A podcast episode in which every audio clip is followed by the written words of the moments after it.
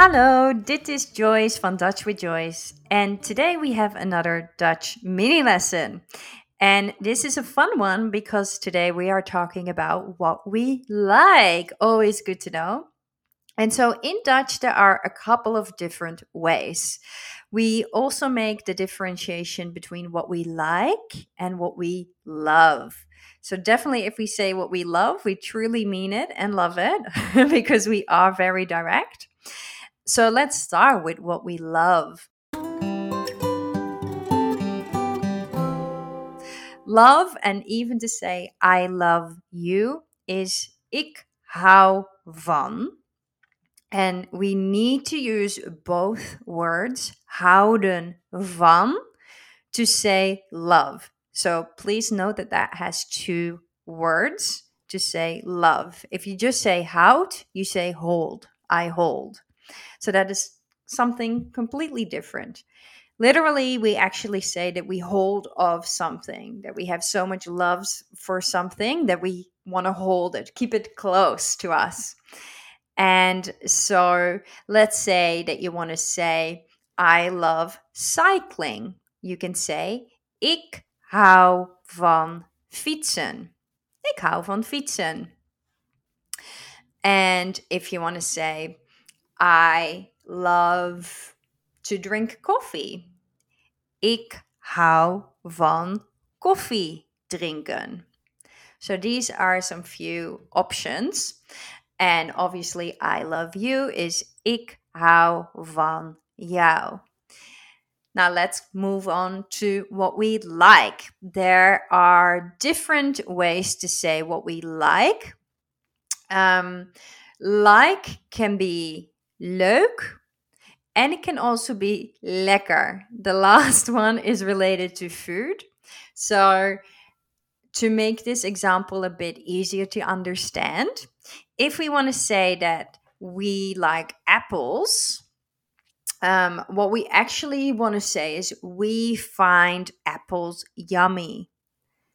So, wij vinden appels lekker. Find is vinden, so with a softer V, but very similar to find. Wij vinden appels lekker. That is, we find apples yummy. Therefore, we like apples. Now, if we want to say that we like things, so not necessarily food, we have the same structure, but instead of lekker, we use leuk. So if you want to say, I like this TV show, you could say, ik vind deze televisieshow leuk. Or if you want to say, I like to write, ik vind schrijven leuk. So we have find and like or yummy. And that word goes at the end of the sentence. So we say what we find, what we opinionate, then insert whatever we like or think is yummy. And then we close it off with what we like and yummy to kind of say, this is what we really like. Then there's another word that sort of translates to like, which is graag that has a nice G touch to it at the front and the end, and it sounds like graag. So you could say, I like to play piano. Ik speel, play, graag, like, piano, piano. Ik speel graag piano. So in that case, you've got the person, the verb, play, the like, and then what you like. The use of graag is a bit trickier in the sentence structure. So if you want to use and make sentences with like, I recommend saying ik vind insert leuk or lekker. That sentence structure is often, once you get it, a bit easier to remember and use. The graag can go in different places and is a bit trickier in the situations that we use. But if you listen to Dutch, you will notice that we do say it every now and then as well. Like, ik kijk graag televisie. Ik zwem graag.